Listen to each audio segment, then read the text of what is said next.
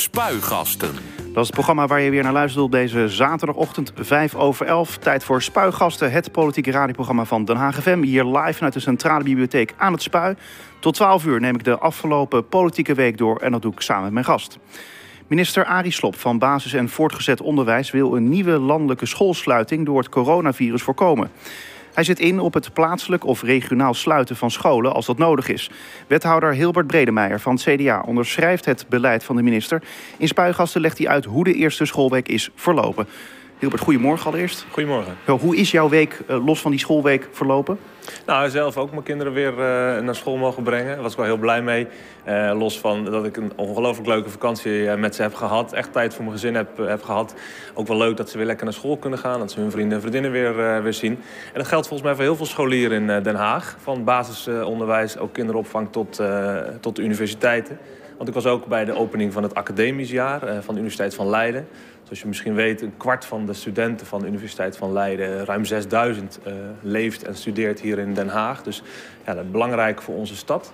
Ja, dus vanaf de, vanaf de kinderopvang tot de universiteiten, volgens mij is iedereen blij dat we weer uh, aan de slag komen. Ja, ook aan de slag in die zin uh, weer echt aan het werk. Want ja, er was natuurlijk ook bijvoorbeeld heel veel ouders die moesten thuisonderwijs geven aan hun kinderen. Ja. Heb je dat ook nog moeten doen?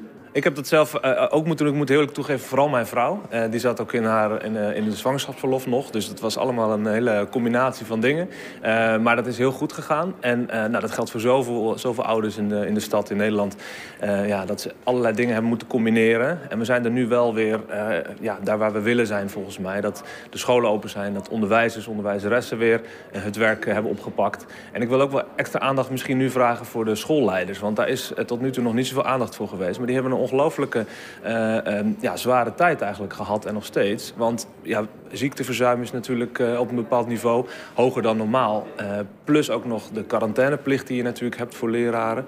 Um, dat vraagt voor schoolleiders echt wel een, ja, een hele nieuwe manier van, van managen. En dat, daar heb ik echt respect voor. Daar wil ik ook wel eens aandacht voor hebben. Ja, hoe komt het eigenlijk, denk je, dat er dan zo weinig aandacht daarvoor is geweest tot nu toe? Het ging vooral over de docenten inderdaad. En dan over ja. de kinderen. Ja, nou, ik denk ook terecht. Die moeten het uiteindelijk ook met elkaar doen. En dat is ook heel belangrijk voor de toekomst van die kinderen. Maar de schoolleiders zorgen er wel voor dat een school draaiende gehouden wordt. En ja, dat het allemaal op elkaar aansluit, dat de roosters kloppen. En als er iemand s ochtends vroeg zich ziek meldt... Ja, moet je op die dag wel zorgen dat die kinderen alsnog onderwijs genieten. het gebeurt natuurlijk ook dat er dan klassen naar huis worden gestuurd... of scholen dicht moeten. Dat is ontzettend vervelend, dat willen we niet. Um, we hebben het altijd over een lerarentekort. Dat is echt wel een stevig probleem. Die moeten we aan blijven kaarten, aan blijven pakken. Maar daarnaast, naast dat lerarentekort, is er ook een schoolleiderstekort. En ja, dat is, het, het vraagt in de hedendaagse uh, manier waarop we onderwijs met elkaar hebben vormgegeven... iets anders van, leer, uh, van, van schoolleiders dan dat het vroeger zo was. Vroeger was dat iemand die vanuit het onderwijs kwam... en daar dan uiteindelijk de eindverantwoordelijkheid had over die school. Tegenwoordig worden er veel meer ja, managementkwaliteiten van iemand gevraagd... en veel minder dat, dat, dat, die, die feeling met het onderwijs. Maar ja, dat moet natuurlijk wel op elkaar blijven aansluiten. En ik vind dat daar wel oog voor moet zijn. Ja, het is de zaterdag. Je reflecteert al een beetje op die schoolleiders. Maar hoe reflecteer je op de afgelopen week? Wat was het voor week voor jou verder? Nou, ik heb dus van de, school, uh, van de schoolbesturen, van de scholen gehoord... dat ze echt heel tevreden zijn met hoe het gegaan is. Um, het is natuurlijk te snel om al een conclusie te, te trekken. Uh, bij spreken Amsterdam die is al, uh, al wat, uh, twee weken extra natuurlijk bezig. Die zijn al drie weken bezig. Wij nog maar één week. Dus we kunnen nog niet concluderen van... nou, het, het, gaat allemaal goed gebaseerd op, op echt cijfers. Wat we terug hebben ge gehoord is dat het ja, niet tot problemen heeft geleid. Dus dat, het echt, ja, dat we tevreden kunnen zijn. Mooi, we gaan er zo meteen verder over praten. Uh, waar we het ook over gaan hebben. Uh, want jij vroeg uh, deze week ook aandacht voor de taken van handhavers van de gemeente. Sinds het coronavirus zijn de taken van de BOA's namelijk behoorlijk veranderd. Waar eerst alleen op leefbaarheid werd gehandhaafd, is daar de volksgezondheid bijgekomen. En ook sprak je je uit over nut en noodzaak van de bodycam. En ja, je bent ook als wethouder verantwoordelijk voor het onderhoud van de kades in de stad. In de binnenstad van Amsterdam stortte deze week een kademuur in. De vraag is natuurlijk, hoe groot is de kans dat de kade in Den Haag instort? Dat hoor je straks dus in Spuigasten. Maar eerst gaan we het hebben over... Het politieke weekoverzicht. Maandag 31 augustus. Den Haag krijgt dit jaar toch een najaarskermis. Ongeveer 100 attracties staan tussen 11 september en 11 oktober op het Malieveld. Hiermee wordt dit de grootste Nederlandse kermis van het jaar... Burgemeester Jan van Zanen heeft ballen getoond door deze kermis toe te staan, zegt kermisexploitant Jan Vermolen opgelucht. Ben je er blij mee? Ja, ik ben er wel blij mee. Dat het heel goed is dat we eindelijk na corona ook weer dat soort dingen hebben om naar uit te kijken. En ik ben ook wel blij dat we voor elkaar hebben gekregen dat de kermisexploitanten, uh, die zijn in, in uh, zeg maar als er geen kermis is, ook heel vaak uh, degene die hier de oliebollen verkopen in de stad. En dat we ook hebben kunnen regelen dat die niet vanaf 1 november hun oliebollen mogen gaan verkopen, maar vanaf 1 oktober. Ja. dat geeft gewoon net iets meer lucht voor voor de exploitant. Ja, en uh, ga jij zelf ook naar die kermis? Ben jij een vervent kermisganger of ik moet heel eerlijk zeggen dat dat niet het geval is. uh, uh, maar dat ik, nu ik kinderen heb, wel steeds vaker in de verleiding kom om dat uh, wel te gaan doen. Dus ja. ik ben benieuwd. Vanaf 11 september volgens mij. Wat me wel opvalt is van ja, nu, nu is men natuurlijk hartstikke blij omdat ze dan eindelijk weer kunnen beginnen. Aan de andere kant denk ik dan toch wel weer van ja, had het niet toch misschien wel wat eerder gekund? die geluiden hoorde je natuurlijk al vanuit nou, de kermisexploitanten. Het kabinet wilde er eerst nog niet aan. Ja, snap jij dan waarom er dan toch zo lang mee wordt gewacht? Want ik zie niet zo'n groot verschil eigenlijk tussen de periode nu en een paar maanden geleden. Nee, dat is denk ik, ik heb daar respect voor wat, wat betreft het, hoe het kabinet dat aanpakt. Hoor. Want we, het is nogal wat om op een rijdende trein uh, deze crisis aan te, aan te moeten pakken en iedere keer bij te kunnen sturen. Ik denk dat we vooral gewoon uh, uh, ja, blij moeten zijn met wat er mag en wat het kabinet, hoe het kabinet dat ook communiceert en, en organiseert. En natuurlijk, met de kennis van nu kun je heel vaak zeggen dat iets misschien al eerder had gekund of niet. Maar laten we ook blij zijn met wat er in ieder geval mag. Dinsdag 1 september. Het kabinet ziet nog geen reden om de coronaregels te versoepelen. Het aantal besmettingen en ziekenhuisopnames is weliswaar al een tijdje stabiel. Maar volgens premier Rutte kan dat zo weer veranderen. Het blijft spannend, zeker nu we allemaal weer terug zijn van vakantie, zei hij op een persconferentie die avond. Nu is het virus veel onzichtbaarder. En gaan mensen balen van wat er allemaal niet kan. En dat is heel begrijpelijk. Maar ik zou het vanavond hier liever omdraaien. Laten we kijken wat er allemaal wel kan. Juist doordat we ons aan de regels houden. Ja, het is een beetje uh, omdenken, Hilbert Bredemeijer. We moeten kijken naar wat we wel kunnen. Je zei het zelf eigenlijk ook al. Het is bijna of ik een premier hier heb. Kennelijk uh, zat dat in mijn hoofd. Ik heb er naar zitten kijken natuurlijk. Maar dat is, ja, ik ben het volstrekt met hem eens. Wat ik ook wel uh, belangrijk vind om, om te zeggen... Het is natuurlijk een grote eh, gezondheidscrisis die we met elkaar doormaken. Ook leidende tot uiteindelijk een economische crisis. Maar het moet geen samenlevingscrisis worden. En uh, daar ben ik wel huiverig voor. Want de verharding zie je toch ook wel steeds meer uh, optreden. Worden steeds meer tegenover elkaar gezet. En daar moeten we echt voor oppassen. Ik vind dat we deze crisis samen moeten bestrijden. En niet ja, de tegenstellingen maar steeds moeten vergroten. maar samen aanpakken. Maar ook dat zei de premier eigenlijk natuurlijk ook in zijn persconferentie. Hè. Die zei ook van ja, ook eigenlijk de ruimte geven aan andere geluiden. Want ja, niet ja, ik bedoel, wat het kabinet eh, bespreekt en besluit, dat is niet per definitie. Uh, nou ja, ik wil niet zeggen discutabel of zo, maar ja, je, je kunt ook andere keuzes maken. Die kunnen natuurlijk altijd, dat kan altijd. Maar ja. dat is eigenlijk een beetje hoe Rutte het een klein beetje, als ik een beetje parafaseer, uitlegde. Klopt. En een beetje ja, um, gevoel voor, voor wat we doormaken allemaal. Kijk, uh, de beleidsmakers, uh, de premier in dit geval, de minister van, Veiligheid, van, uh, van Volksgezondheid, Hugo de Jonge, die staan voor een hele grote opgave. En ja, die, die, die proberen er wat dat betreft het beste van te maken in de situatie waarin we zitten. Maar um, de manier waarop we daar als samenleving op reageren, ehm, dat is denk ik wel van wezenlijk belang om dit tot een succes te maken. Dus ja verplaats je in elkaar. Uh, zorg dat je uh, begrip hebt voor elkaar situatie. Uh, laten, we als onder, laten we als voorbeeld de ondernemers in de stad nemen... die gigantische moeilijke tijd hebben doorgemaakt. En kaart hun best doen om iedereen die nou, weer wat meer mag... in de horeca bijvoorbeeld, er ook op te wijzen... dat we deze gezondheidscrisis samen aan moeten pakken. Ja, die doen dat, wat mij betreft, die doen daar geweldig werk. En die hebben het echt wel heel zwaar. Uh, omdat ze dat er ook nog eens bij moeten doen. Dus nou, wat meer begrip voor elkaar. En uh, ja, dat, dat zou het wel goed maken, denk ik. Denk jij eigenlijk dat het nog, die boodschap nog wel aankomt? Want eh, in principe zien we nu natuurlijk... Het is al inmiddels de veertiende persconferentie, hoorde ik. ik had het tel niet bijgehouden, maar ik, ik schrok er wel een beetje van. Ja.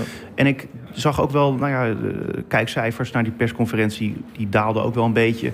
Uh, de boodschap is natuurlijk, ja, wat is die nou eigenlijk? Dat, dat, is, dat is voor heel veel mensen, die zijn die, die boodschap al lang vergeten. Hoe zorg je nou voor dat, ja, dat, je, dat die boodschap goed uh, overkomt? Jij bent woordvoerder geweest, dus jij bent een communicatiestratege daarin. Ja, nou, ik, ik, zou het vooral vanuit de praktijk die ik nu meemaak willen aanvliegen. Ik, ik praat met de handhavers die in deze stad... Ik ben daar verantwoordelijk voor de handhavers in deze stad. En um, van hen hoor ik terug dat er inderdaad een verschil is... Uh, hoe, hoe ze nu, welke reacties ze nu op straat krijgen en toen. Toen ging het echt, uh, als je werd aangesproken op... oh ja, tuurlijk, sorry, ik zal me weer even aanhouden. We moeten hier even doorheen. Maar het duurt nu al zo lang dat er ook gewoon heel veel frustratie over is. En dat ze dus inderdaad stuiten op reacties van... ja, hoezo dan? En waarom moet het allemaal? En ik doe het niet. En die verharding, die, dat is denk ik een groot probleem. Dus het begrip voor ja, het feit dat we met elkaar in deze situatie terecht zijn gekomen... dat we er ook met elkaar weer uit moeten dat zou echt wel een hele hoop oplossen. Ehm, ja, het is even niet anders. We moeten er even doorheen. Maar uh, laten we er met elkaar ons toch gewoon even aan houden. Over die verharding. Uh, Pieter Omtzigt liep je natuurlijk uh, rondom de Kamer een aantal weken geleden. Werd daar ook belaagd toen door wat mensen. Ehm, is dat iets wat jij, ik wil niet zeggen dat je dat ook hebt meegemaakt... maar merk je daar dat wel ook zelf terug? Van dat de mensen ja, ja, een beetje verhard zijn en ook op die manier op jou reageren? Want je bent ja. ook een bestuurder. Ja, ik merk dat. Ik merk dat persoonlijk ook. En niet dat ik op straat hoor. Bedoel, Pieter Omtzigt wordt herkend op straat. Ik natuurlijk helemaal niet. Dus, dus, dat is een heel verschil. Maar ik merk het wel inderdaad bijvoorbeeld op social media hoe we met elkaar omgaan. Ik vind dat heftig. En ik vind dat ook helemaal niet horen bij, uh, bij deze samenleving. Als ik mij uh, als bestuurder namens een hele uh, organisatie als de gemeente Den Haag um, um, ja, ergens mee bezighoud om uiteindelijk te zorgen dat we met elkaar die stad een beetje leefbaar houden. dan zou ik ook wel op dan zou ik ook wel op willen roepen om daar dan begripvol met elkaar om, om te gaan. En het niet allemaal zo persoonlijk te maken. En uh, dat gebeurt natuurlijk wel. Ja, maar kun je dat dan niet dan terugzeggen tegen die mensen? Of doe je dat ook bijvoorbeeld ook? Nee, ik doe dat niet. Omdat ik vind dat uh, ik praat als bestuurder, niet als persoon, maar als bestuurder namens de gemeente Den Haag. En ik vind ook niet dat ik een persoonlijke, um, in die zin een relatie te veel moet onder, onderhouden. Ik ben daar als bestuurder. En um, nou ja, ik roep de stad in, in zulke gevallen op uh, om ons aan bijvoorbeeld, om bijvoorbeeld naar die handhavers te luisteren. Laten we ook naar het volgende thema luisteren. Woensdag 2 september. Ja, dan gaan we luisteren naar Ferdinand Grapperhaus, want hij mag zich minister van Justitie blijven noemen. Een motie van wantrouwen van Forum voor Democratie en een motie van afkeuring van de Partij van de Arbeid. Die kregen geen meerderheid in de Tweede Kamer. De moties werden ingediend vanwege de gang van zaken op en na het huwelijk van Grapperhaus, waar bruiloftsgasten niet voldoende afstand hielden. Laten we even luisteren naar het debat dat Grapperhaus voerde. Zoals ik in mijn eerdere statement zei, vandaag weer, het is die dag niet goed gegaan met betrekking tot de coronamaatregelen. Voorzitter, we hebben er thuis over gesproken. We zeiden tegen elkaar, hadden we het maar met z'n tweeën gedaan. Ja, je hoorde echt een, uh, ja, snikkende uh, grapperhaus. Het, hij had het emotioneel echt uh, zwaar. Uh, snap jij die emotie bij hem? Ja, volstrekt. Deze man uh, ja, heeft al heel hoop meegemaakt in, in, in zijn privéleven. Um, staat op de dag waarop hij in het huwelijk treedt. Um, omringd door zijn, zijn kinderen en, en, een hele kleine groep naaste familieleden en misschien wat vrienden. Heel emotionele dag voor hem om allerlei redenen. maar het is ook gewoon zijn huwelijk. En ja, dan is er een situatie ontstaan dat er mensen kennelijk de behoefte hebben gehad om in dat privéleven van zo'n uh, zo'n minister uh, op allerlei ranzige manieren daar uh, uiteindelijk een, slaatje uit te willen slaan. En dat vind ik best wel heel heftig voor de persoon Vert Grappenhaus. Wat losstaat van het feit dat wat daar gebeurd is natuurlijk niet oké is. En dat hij daar ook diep door het stof is gegaan daarvoor. Um, veel respect voor de manier waarop hij dat heeft gedaan. Uh, ook geëmotioneerd, maar ook duidelijk. Dit had zo niet gemoeten. Daar heb ik spijt van. Uh, ik geloof ook dat dat voldoende moet zijn nu om er een punt achter te zetten. En om te zeggen, jongens, we gaan weer samen verder. Uh, dus ik ben blij met de uitkomst van het debat. Ik ben ook blij met de manier waarop er gereageerd is door bijvoorbeeld oppositie in dat debat. Uh, het was echt wel een stevig en een ja, emotioneel, maar vooral gewoon, gewoon gevoelig debat. Um, maar ik zag ook wel hoe, hoe uh, oppositieleden ermee worstelden met dit vraagstuk. Want eigenlijk had iedereen hetzelfde besef. Um, ook van mij kunnen dit soort foto's uh, naar buiten komen. Ja. Um, ja, en dat is natuurlijk zo. Ja. Het is vet moeilijk wat we met elkaar moeten doen. Om ons de hele dag aan die anderhalve meter te houden. Nog los van alles wat we nog meer moeten doen. We zijn geneigd om ja, uh, de hele dag in die samenleving, je wil samenleven. Dus je wil bij elkaar zijn. En uh, dat is ook hartstikke goed. Nou, dit, dit laat ook weer zien dat deze coronacrisis geen samenlevingscrisis moet, uh, moet worden. Want we willen samenleven, we willen bij elkaar zijn. En we willen niet uit elkaar gedreven worden. En als we niet oppassen, worden we wel uit elkaar gedreven. Want dat worden we al letterlijk. Maar dat moeten we niet figuurlijk ook nog eens worden. Ja, maar je zegt uh, over die fotograaf op een ranzige manier probeert hij een slaatje uit te slaan. Uh, terwijl die man doet ook zijn werk. Als, ik, als we even de situatie vergelijken met Nederland als met uh, de Britse tabloidbladen. Nou, dan hadden nog wel meer fotografen in die bosjes gelegen. En je weet het misschien ook wel als bestuurder dat er, nou, ik zou het maar even persmuskieten willen noemen. Die dan in de bosjes liggen en foto's maken van je bruiloft. Ja, en daar heeft denk ik Vert eh, Grappenhaus ook over gezegd. Dat hadden ze niet gemoeten. En eh, sterker nog, hij heeft nu zelfs gezegd dat hij tegen zijn vrouw heeft gezegd... we hadden überhaupt maar met z'n tweeën moeten trouwen. Nou, daar heeft hij dus uh, spijt van.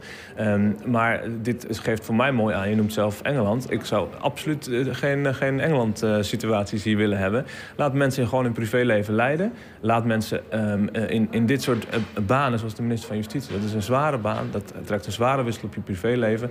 Laat hem dan alsjeblieft wel het privéleven ook gewoon uh, kunnen leiden. En als het tot zoiets leidt, nou ja, wees dan ook eerlijk genoeg, zoals hij, uh, Fred Grapperhaus dat ook nu doet, om dat toe te geven. En dan kunnen we verder volgens mij. Ja, alleen uh, het, het, beeld wat nu blijft ontstaan, of blijft bestaan eigenlijk, is dat iedereen die de coronaregels die overtreedt, ehm, die waren volgens de minister allemaal ASO's en die moesten ook flink worden bestraft. En dan komt hij er zelf van af met een sorry. Dat is voor heel veel mensen is dat niet te begrijpen. Dan, krijg je een soort klassenjustitie, wat bijvoorbeeld Wilders het noemde. En wat hij gezegd heeft toen hij het over ASO-gedrag had... was dat als mensen die erop aangesproken worden... door handhavers bijvoorbeeld, of de anderen, door gewoon in de samenleving... en die blijven maar eh, persisteren in het niet houden aan die regels... sterker nog, ze doen dat bewust niet omdat ze het onzinregels vinden. Ja, dan, dat is ASO-gedrag, zo heeft hij het gezegd. Dat ben ik met hem eens ook. Want dan ga je bewust een loopje nemen met iemand anders zijn gezondheid. Of iemand anders haar gezondheid. Dat is ASO-gedrag en daar staat hij nog steeds achter. Wat geen ASO-gedrag is, is worstelen met uh, deze coronaregels. Wat we met elkaar allemaal volgens mij doen. Uh, dat is natuurlijk geen ASO-gedrag. En zo heeft hij dat ook niet zo genoemd. Nee. Maar goed, het blijft wel een beetje krom dat hij er op deze manier van afkomt. Want heel veel mensen zeggen van ja, iemand die regels, die, die regels notabene oplegt... en dan vervolgens zichzelf niet eens eraan houdt. En ik, ik bedoel, iedereen snapt misschien wel die worsteling die hij heeft... maar het tast wel zijn geloofwaardigheid aan. Ik denk dat er niemand in Nederland is die nadat hij de coronaregels overtreden heeft, uh, er zoveel last van heeft gehad uh, dat dat zo is geweest. Dus in die zin vind ik echt respect hoe hij daarmee om is gegaan na afloop. Het maakt niet goed wat hij daar heeft gedaan, heeft hij zelf ook aangegeven. Maar hij is diep door de stof gegaan. Ja, hij heeft zijn boete in die zin op die manier ook voldaan. Volgens mij zowel financieel, maar zeker ook op deze manier. Ja, want hij heeft ook nog geld gestort aan het Rode Kruis, uh, begreep ik. Uh, wat, kan, wat kan deze minister nou doen, uh, volgens jou, om het vertrouwen in hem te herstellen? Want hij, het heeft wel, hij zei het zelf al, dat, moet, ja, dat is ingedeukt, het vertrouwen. Ja. Dat moet weer uitgedeukt worden. Ik hoor dat van, ook weer van de handhavingsorganisatie hier in Den Haag. Belangrijke club mensen uh, die voor ons samen in de stad de leefbaarheid proberen te handhaven. En die doen dat natuurlijk ook vanuit diezelfde uh, gedachte. En die horen natuurlijk ook van waarom moeten we die regels houden, et cetera. Daar was ook wat discussie over. Maar wat ik daar ook hoor, is dat zij volledig achter deze minister staan. Omdat ze uh, uh, zien dat het ongelooflijk ingewikkeld is. En dat ze daar inderdaad ook alle reacties voor krijgen. Maar dat geeft wel aan ehm, dat deze man in staat is geweest om, ook op de manier waarop, dit, waarop hij dit gezegd heeft wel een begin te maken van herstel van dat vertrouwen. Want het heeft inderdaad een deuk opgelopen. Maar ik, ja, ook, ik ben het met hem eens. Ik heb er ook vertrouwen in dat, dat, uh, dat het herstel uh, er komt. En de kous is hiermee af? Nou, de kous is hiermee denk ik um, uh, voor hem nog niet af. En dat heeft hij zelf ook zo gezegd. Omdat hij daaraan zou moeten blijven werken. Um, maar de, voor mij is de kous wel af in de zin van na dit debat strepen Donderdag 3 september. Het CDA wil dat betaalde seks wordt verboden. De regeringspartij omarmt een burgerinitiatief van de jongerenbeweging Expose, waarin dat wordt voorgesteld. Uh, ik zag op jouw Twitter-account dat jij het filmpje ook had geretweet van het CDA. Dus je bent het er vast mee eens. Leg uit. Nou, ik heb, uh, ben blij dat ik, dat ik lid ben van een partij die dit best wel ingewikkelde vraagstuk, prostitutie... of best wel echt een van de meest ingewikkelde vraagstukken... voor mij persoonlijk ook misschien wel uh, politiek gezien... Uh, op deze manier benaderd. En er mag ook wel eens wat, wat aandacht voor zijn wat mij betreft. Daarom was ik blij met deze oproep van uh, Kamerlid Anne Kuik van het CDA. Uh, die benadert namelijk dit vraagstuk vanuit de positie van deze vrouwen. sommige, in sommige gevallen mannen, maar vooral vrouwen. en vanuit het, ook ja, de slachtofferrol die, die veel van die vrouwen ook hebben. En ik vind dat dus het vraagstuk prostitutie, hoe ga je daarmee om? In een stad als Den Haag in heel Nederland, maar ook in de stad als Den Haag, dat je dat moet benaderen vanuit de, de kwetsbare positie van deze vrouwen. En als je dat doet, dan. dan of dit, dit, ja, dit um, punt van het CDA landelijk sterkt mij om dat te kunnen doen. Ja, het lastige is alleen, er, er zijn ook heel veel vrouwen die zeggen... ja, bemoei je er niet mee, ik wil dit gewoon doen. Er zijn ook vrouwen die dat zeggen. Die zeggen, ja. dit, is, dit is een beroep waar ik voor gekozen heb. Maar er zijn ongelooflijk veel vrouwen, en ook misschien mannen... maar zeker vrouwen die hier niet voor gekozen hebben. Uh, die hier te maken hebben met uh, uh, ja, met uitbuiting, sorry, en met uh, misschien ook uh, slachtoffer zijn van mensenhandel. En dat element hiervan uh, is, vind ik echt van wezenlijk belang om in oogschouw te blijven nemen. Ja, het lastige is alleen als je het gaat verbieden, gaan misschien zulke nou ja, zaken wel de illegaliteit in. Dus wat heb je daaraan als je het gaat verbieden? Ja, dat, dat, dat is echt een, een groot vraagstuk waarvan ik heel benieuwd ben hoe zich dat in de Tweede Kamer straks ontwikkelt. Dat moet je ook landelijk benaderen, dat vraagstuk. Wat we hier in Den Haag doen, is, uh, en daar zijn we natuurlijk al jaren naar onderweg. Het CDA heeft zich daar ook altijd voor uh, uitgesproken. Uh, voor uiteindelijk sluiting van Doublet en Geleenstraat. En dan te kijken waar kan dat op een andere manier beter plaatsvinden. Dat is iets wat je als gemeente kunt doen. Want ik vind gewoon de manier waarop we hier nu in het oude centrum en bij, het, bij Hollandspoor, hoe, hoe dat hoe dat zich heeft ontwikkeld. Ja, dat vind ik gewoon, uh, daar moet, daar moet uh, een eind aan komen. Ja, en dat, dat gaat nu waarschijnlijk dan naar de Binkhorst. Dat is althans het, het plan.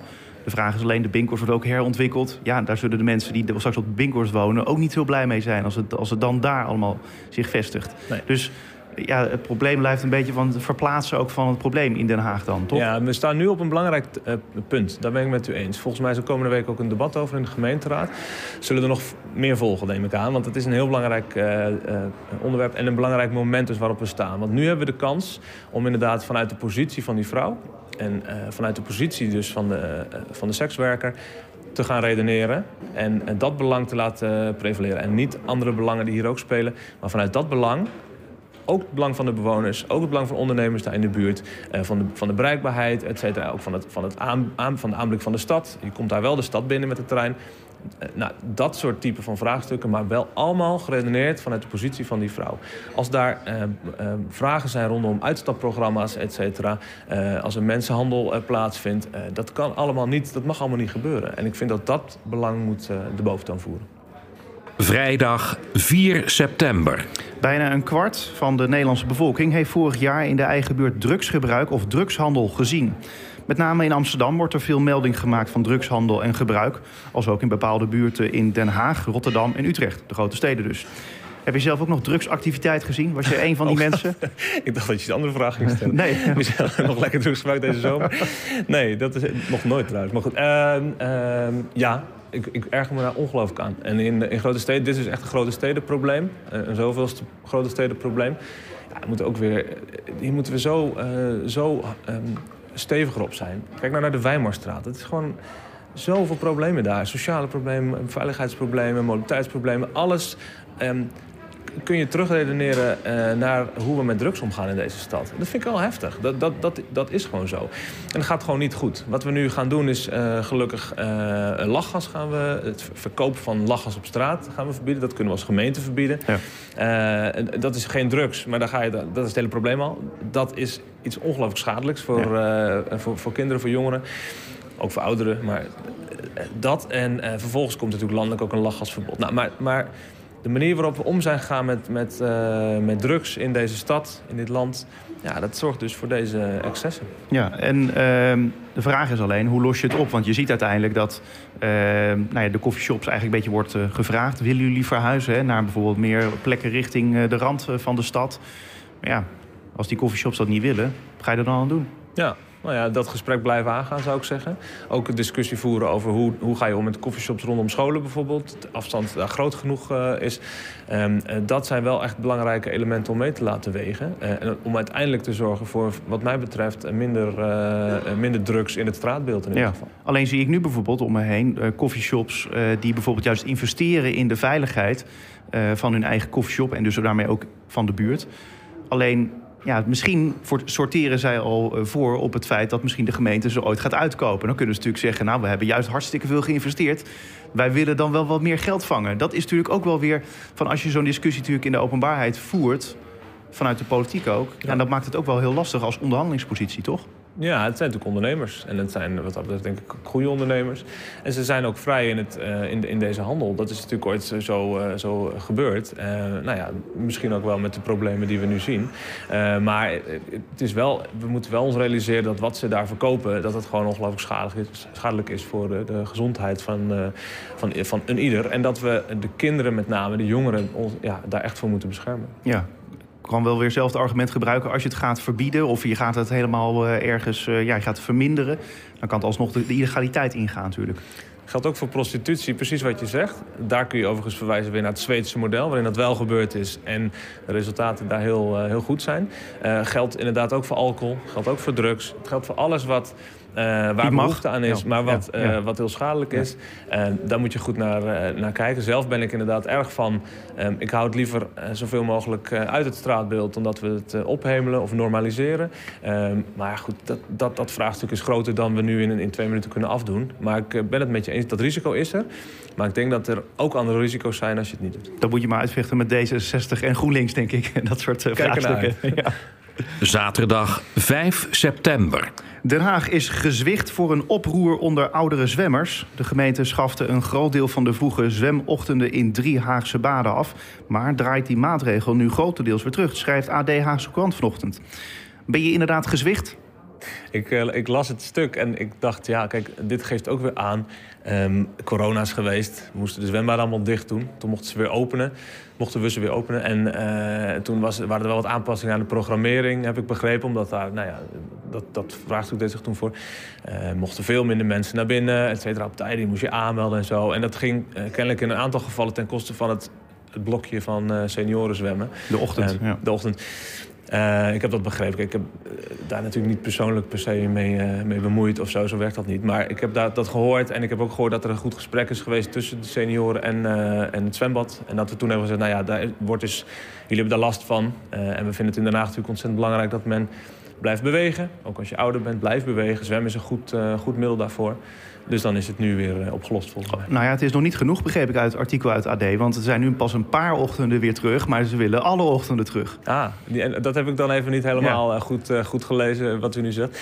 Uh, nou, dat, dat is dus een gesprek wat gevoerd wordt dan. Want, want het is eigenlijk een, die zwembadmedewerkers die zijn heel goed in staat om met die, met die senioren te praten. Ehm, je moet je wel realiseren dat natuurlijk de keuzes die gemaakt worden door die zwembaden... die zijn ook wel ingegeven uit wat is, wat is haalbaar. Want het, het, het Financiën? Uh, nou, bijvoorbeeld financieel. Het, het, warm houden van een zwembad kost ontzettend veel energie, ontzettend veel geld ook. En nou, dat moet natuurlijk wel uh, terugverdiend worden. Dus um, ik heb begrepen dat het hier niet aan ten grondslag heeft gelegen. Maar dat is wel een vraagstuk waar we nog voor komen. Want het is wel zo dat we over de hele breedte van de overheidsfinanciën... en van de gemeentelijke financiën natuurlijk een bezuinigingsronde te gaan uh, hebben de komende, komende jaren. En ook uh, bij sport zal dat niet uh, ontzien, sport zal daarin niet ontzien worden helaas. Terwijl de gemeente het juist zo belangrijk vindt dat mensen in beweging blijven. Ja. Want dat zorgt ook juist voor dat mensen natuurlijk nou ja, misschien minder snel aanspraak maken op bepaalde zorg... omdat ze bijvoorbeeld fitter zijn. Ja, echt wel een ingewikkeld vraagstuk. Daar, hebben we dus nu, daar staan we nu aan de voorkant uh, van. Straks gaan we daar goed over nadenken hoe uh, ik in mijn geval bij sport... maar ook bij onderwijs en ook bij buitenruimte... Uh, goed kan kijken hoe we dat kunnen doen... zonder dat we dit soort functies inderdaad verliezen. Ja, bezuinigingen gaan altijd pijn doen. Ja. Maar die mogen wat mij betreft inderdaad ja, niet keihard ten koste gaan... van bijvoorbeeld het verenigingsleven, wat ontzettend belangrijk is... en van het bewegen. Zoals we dat in de stad kunnen doen. Ja, maar je gaat over de grachten toch? Dus je kunt ook uh, misschien in de grachten zwemmen. Ochtends. De grachten zwemmen? Ik dacht dat je wilde gaan, dat ik ging bezuinigen op, het, nee. op, de, op de kademuren waar nee, we zeker niet. gaan hebben. Nee, maar zeggen, dan weet je wat er gebeurt. je kunt in de grachten zwemmen. In de Noordzee misschien. Ja. ja, dat is ook nog een idee. tot zover het weekoverzicht. Meer nieuws vind je op onze website denhagfm.nl. Spuigasten. Den Haag Minister Arie Slob van Basis- en Voortgezet Onderwijs wil een nieuwe landelijke schoolsluiting door het coronavirus voorkomen. Hij zit in op het plaatselijk of regionaal sluiten van scholen als dat nodig is. Wethouder Hilbert Bredemeijer van het CDA onderschrijft het beleid van die minister. In Spuigasten legt hij uit hoe die eerste schoolweek is verlopen. Was het een spannende week? Het is voor leraren en voor ouders van uh, leerlingen... en misschien voor de leerlingen zelf ook wel...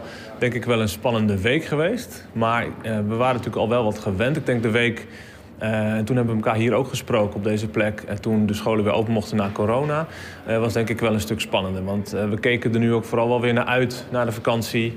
En nou, we mogen ook gewoon wel weer meer. Dus um, in die zin was het denk ik vooral een week om naar uit te kijken. Ja, en daarvoor was een beetje generale repetitie, een soort try-out. Ja, zoals ja. eigenlijk heel veel in deze crisis een try-out is, was dat het ook.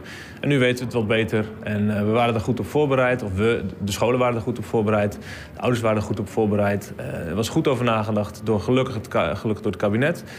Middelbare scholen, dat was eerst een beetje de vraag van... Hoe gaan we daarmee om? Want die, die jongeren zijn natuurlijk een stuk ouder dan de basisscholieren. Dus nou, daar is gelukkig goed over nagedacht. Dat kan allemaal. En uh, wat ik dus van de scholen heb teruggekregen... dat deze week heel goed is verlopen. En door de schoolleiders natuurlijk ook vooral, hè? En dat komt door de schoolleiders.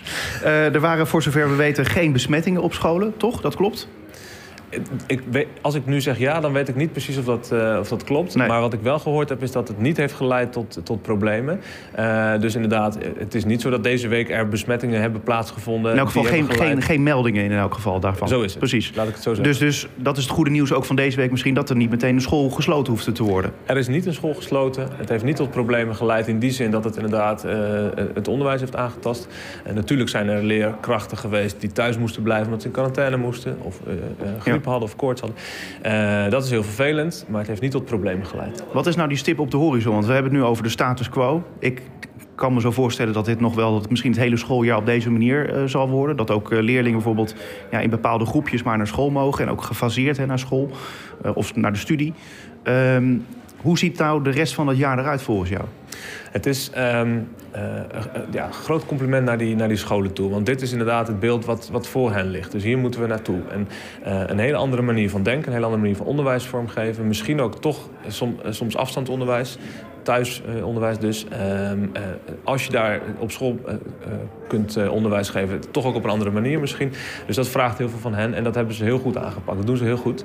Um, laat ik als voorbeeld nemen het MBO als het mag. Dat is een, een, een groep leerlingen die vooral vanuit de praktijk het onderwijs krijgt. Dus bij bedrijven en bij instellingen.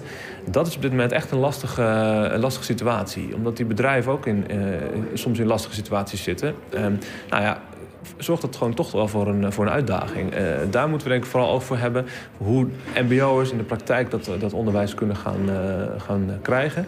Uh, maar als het gaat om de basisscholen en de voortgezet onderwijsscholen... denk ik dat we met alles wat we nu geleerd hebben de afgelopen maanden...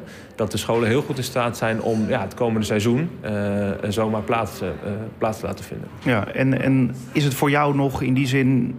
ja, wat, hoe ziet jouw takenpakket er dan uit als het gaat om onderwijs? Is het gewoon het volgen en, en faciliteren op het moment dat scholen iets nodig hebben. Wat, wat, verwacht jij nou van dit schooljaar? Nou, dat gesprek voeren we heel, heel veel met die scholen.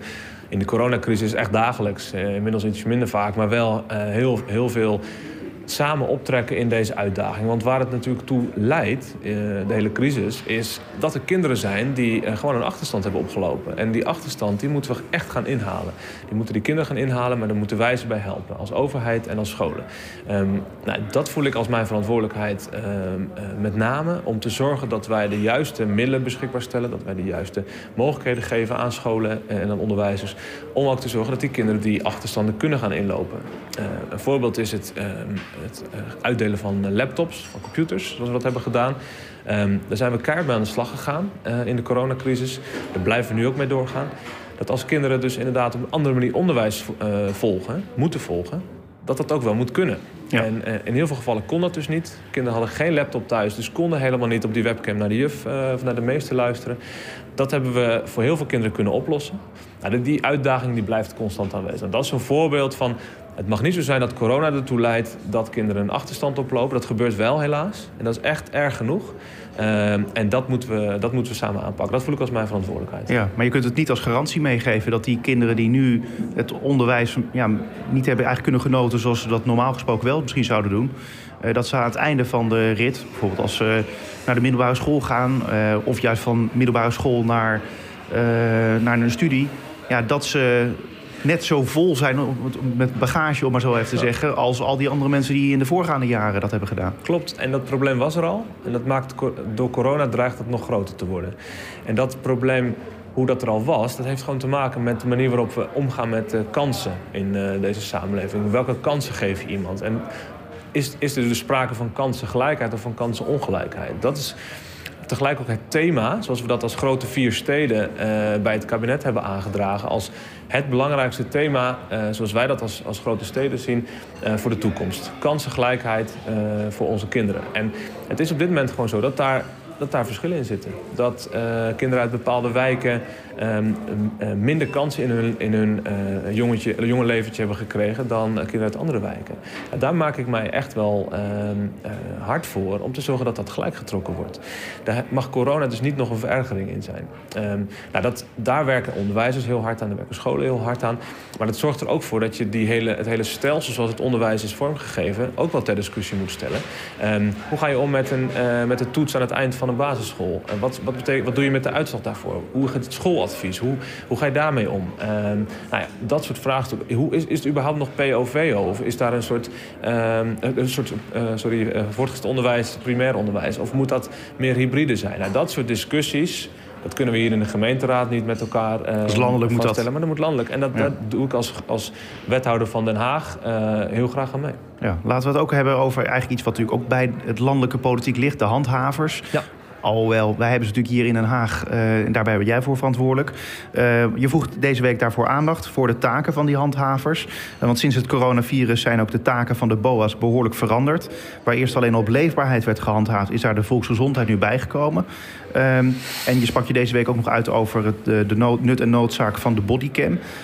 laten we eerst hebben over die, over die taak van, van de BOA.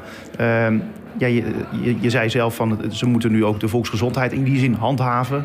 Ja. Um, maar eigenlijk is dat toch gewoon nou ja, mensen aanspreken op de regels die er zijn. Even simpel gezegd. En dat is het ook. Ja. En er is een beeld ontstaan alsof de BOA's de hele dag met een bonnenboekje op straat uh, rondlopen en iedereen boetes uitdelen. Er was zelfs discussie over of dat tegenwoordig nog wel uh, lukt. Um, nou, dat is niet het doel. Dat is helemaal niet het doel zelfs. In Den Haag doen we dat op een heel andere manier, maar in heel Nederland doen we dat op een heel andere manier. Wij spreken mensen aan op uh, hun eigen verantwoordelijkheid. Van jongens, we moeten corona eronder krijgen. Uh, hou een beetje afstand of pas je een beetje aan of let een beetje op elkaar omdat de samenleving dat wil. En niet omdat de BOA een boete uit wil schrijven. Dus dat is hun rol. En zo is het ook. Ik heb deze week um, 17 nieuwe BOA's mogen uh, verwelkomen in, uh, in Den Haag toegesproken. Met uh, ook een discussie gevoerd. Dat was hartstikke leuk. Die zitten nu in een introductieprogramma, twee weken. en ik mocht met ze discussiëren over hun taak en hoe ze dat op straat mogen gaan uitvoeren. Nou, 17 nieuwe BOA's en, en allemaal waren ze doordrongen van die taak. Zij zijn er niet voor de veiligheid, ze zijn er voor de leefbaarheid. En dat vraagt iets van de manier waarop zij op straat lopen, waarop ze mensen toespreken. En dat vraagt wat mij betreft ook iets van de manier waarop mensen hen toespreken. En dat is waar we aan het begin over hadden.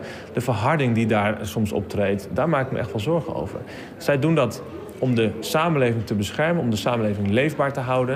Nou, dan mogen ze wel op wat meer begrip uh, stuiten soms. Ja, maar goed, het komt altijd een beetje van twee kanten. Dat is ook wel weer, uh, waar er twee vechten, hebben er twee schuld. En daarom is het hartstikke belangrijk dat we dus die opleiding van die handhaver ook zo uh, vormgeven dat daar oog voor dit element is. En daarom heb ik dus dat gesprek uh, onder andere ook met ze gevoerd. En dat zit in die twee weken die ze nu, die nu hebben sowieso. Van hoe, hoe ga je met, met die leefbaarheid om, met de samenleving om. Je bent onderdeel van die samenleving. En je bent er wat mij betreft om die samenleving um, ja, soms ook gewoon mogelijk te maken, leefbaar te houden.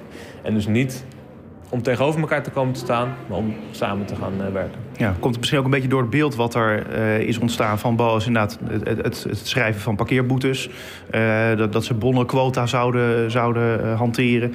Ehm, maar ook een beetje het beeld van, ja, het is geen echte politieagent. Nee, en dan gaan, nu gaan er wel heel veel taken, die pakken we nu tegelijk. Hè? Want parkeren, openbaar vervoer, vuilnis, storten... of illegaal dumpen. Ja. dat, illegaal dumpen, dat hoort allemaal bij. Waar ik het nu met name over heb, is gewoon de BOA die op straat loopt om uh, ook de coronamaatregelen te handhaven. Um, wat overigens ook niet alleen is wat hij dan doet. Hè? Want hij is dan op straat om een leefbare stad mogelijk te maken. En daarbij kijkt hij ook naar coronamaatregelen. Maar ook naar uh, illegale dumpingen. En ook naar uh, um, verkeerd aangeboden afval, dat soort zaken. Dus. Of terrassen die uh, iets uitgebreid zijn. Dat is weer een andere, een andere groep die dat doet. En uh, dat is ook zoiets. Ja, belangrijk te zorgen dat mensen met kinderwagens ook nog steeds langs de terrassen kunnen gaan. En dat het niet zo is dat dat, dat terras de hele buitenruimte straks uh. Nou, dat soort um, vraagstukken, daar komen ze voor te staan. En de toon waarop je dat doet, die is hartstikke belangrijk. Ja, en dan helpt misschien een bodycam? En dan helpt een bodycam. Die helpt dan weer niet als het gaat om die terrassen. Want ik denk dat de ondernemer uh, nog wel snapt dat dat gewoon een, uh, een logisch verzoek is als je die wat kleiner moet maken. Nee hoor, dus die helpt als het gaat om de situaties die weer um, op, het, op het grijze vlak liggen tussen leefbaarheid en veiligheid. Ja. En Explosieve ander, situaties, zeg ja, maar. Dat is, dat is, denk ik een ander vraagstuk. Um, want het is zo dat we de afgelopen jaren steeds vaker in de situatie zijn gekomen dat uh, handhavers um, naar plekken werden gestuurd waarin het de vraag was of het daar nog over leefbaarheid ging. Leefbaarheid handhaven, of dat het ook over openbare orde en veiligheid ging, waar de politieagenten voor zijn. En op het moment dat er dus een, uh, een situatie ontstaat dat een BOA ergens voor leefbaarheid komt, maar vervolgens geconfronteerd wordt met, uh, met geweld, Ja, dat is heftig. En dat gebeurt dus ook steeds meer. En ik vind dus vanuit de werkgeverschap die we hebben voor die handhavers... dat we ze dan ook wel goed moeten toerusten en uh, goed, moeten, uh, op, goed op pad kunnen sturen. Zodat als dat gebeurt, ja, dat ze daar dan ook een beetje bescherming hebben. En die bodycam, dus die, die, die, die camera op hun borst... die zorgt ervoor um, dat als het uit de hand loopt dat dan in ieder geval dat er bescherming is eh, voor die boa. Hij dat er, dat geregistreerd is? Ja, dat dat, nou, dat geregistreerd kan worden, precies. Hij zet hem pas aan nadat hij twee keer gewaarschuwd heeft. Dus het ding staat niet constant aan. Hij zet hem aan als hij twee keer gewaarschuwd heeft. Ik ga hem aanzetten. Als er dus fysiek of verbaal geweld uh, tegen hem plaatsvindt, dan mag hij dat doen.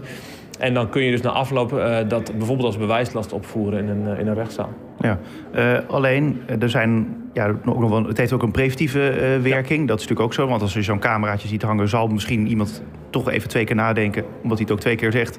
Uh, ik zet hem aan. Ja. Van ja, ik, ik, ga die boa misschien niet zijn hersens inslaan.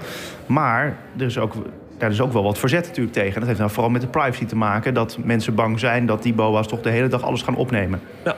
Het eerste wat je zegt klopt helemaal. Dat hoor ik ook van de BOA's. Die zeggen dat ook. Van, dat, dat merken ze. Het moment dat diegene een uh, cameraatje ziet hangen... dan bedenkt hij zich wel even een paar keer om, uh, om verder te gaan met geweld plegen.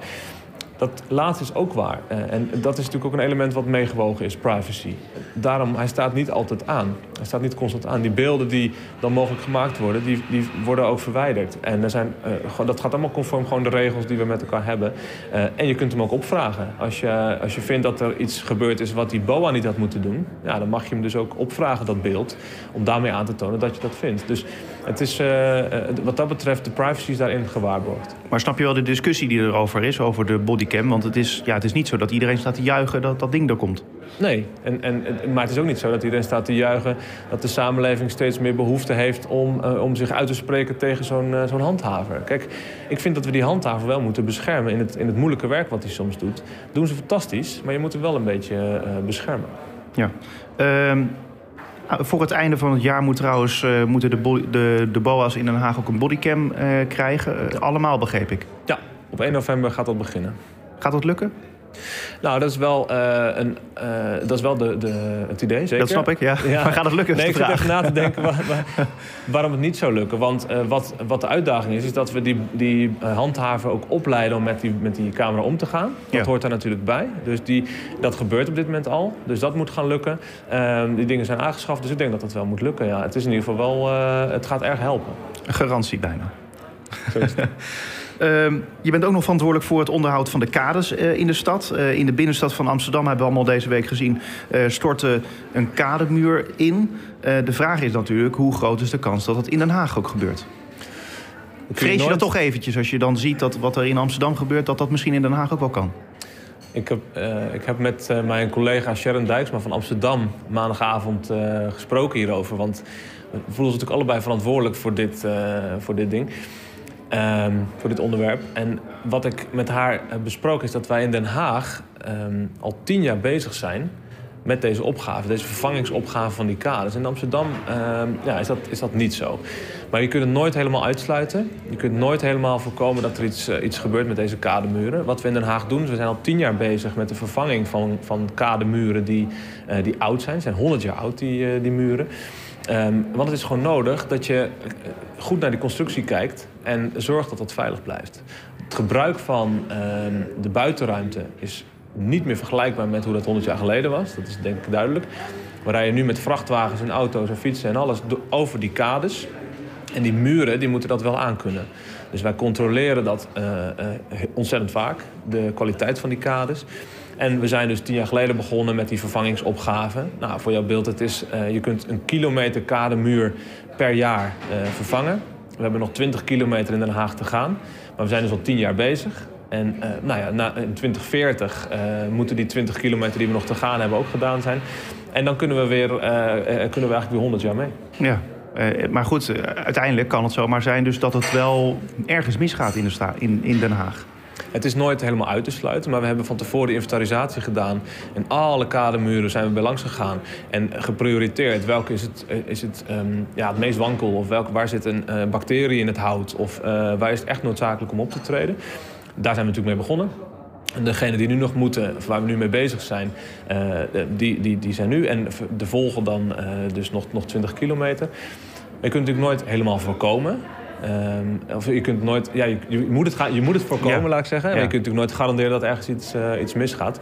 Maar ik heb um, er erg veel vertrouwen in de manier waarop we dat in Den Haag hebben gedaan. Dat we al zo lang geleden begonnen zijn. Het kost natuurlijk ontzettend veel geld. En het is natuurlijk geen populair onderwerp om, uh, om je voor op te uh, werpen als daar moeten we geld naartoe sturen. Maar het is ontzettend belangrijk. Het gaat om de veiligheid. En het is ook een ingewikkeld onderwerp, omdat het gaat over de aanblik van die grachten. Uh, er zijn ontzettend mooie grachten in Den Haag. In Amsterdam ook. Maar in Den Haag zijn we, hebben we er gelukkig ook nog een paar uh, overgehouden. Zeker, ja. uh, te weinig, maar goed. Ehm, daar staan ook heel mooie bomen langs die grachten. Maar die bomen, in sommige gevallen ehm, moeten die wel eh, sneuvelen ten bate van de veiligheid. Omdat we die dingen veiliger moeten maken, eh, moet je dat soort keuzes soms maken. Dus we doen er alles aan om eh, die bomen te behouden. Om te zorgen dat dat toch samen kan gaan. Maar wel met als doel om die kademuren te verstevigen. Want het kan natuurlijk... Ja, het is natuurlijk verschrikkelijk wat hier in Amsterdam gebeurd is. Dat moet je als stad gewoon echt uh, proberen te voorkomen. Ja, uh, alleen het probleem is dat je het nooit dus helemaal zeker uh, weet. Um, ja, en, en de komende zoveel, tientallen jaren ga, ga, je daar dus nog mee verder. Ja, dat is niet, niet, niet jij, denk ik, maar in elk geval de opvolging, de andere bestuurders. Tien jaar geleden stonden we in Den Haag al voor die opgave. Andere steden volgen nu ook.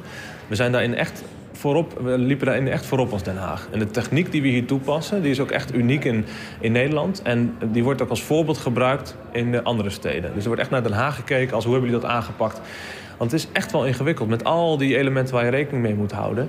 Om te zorgen dat dat er gewoon weer, weer stevig is. Um, dus ja, dat, dat geeft wel aan. De techniek zoals die gebruikt wordt is, is exemplarisch of is een voorbeeld voor andere steden. Dat we gewoon echt trots kunnen zijn hoe we dat in Den Haag hebben aangepakt. Ja, en dat we daar nog veilig overheen kunnen lopen, wandelen, fietsen. Dat is het doel. Ja. Precies, zo is het. Um, en nu, hoe ziet de zaterdag er verder uit? Van Hilbert nou, de, de, sport is deze zaterdag weer begonnen. Dus uh, ja. vanochtend uh, mochten de kinderen weer naar hockey. Dat was wel echt uh, hartstikke leuk. Nu straks wil ik even lekker een wandeling gaan maken, denk ik, want het is mooi weer. Maar het feit dat het sport weer is begonnen, dat, dat doet ook wel goed. Het verenigingsleven is weer op gang gekomen. En het zonnetje schijnt, dus dat is een en mooie dag om mee te beginnen. Hilbert Bredemeijer, dankjewel. Dankjewel. En dit was Spuigasten voor deze week. Ik zou zeggen bedankt voor het luisteren en tot volgende week.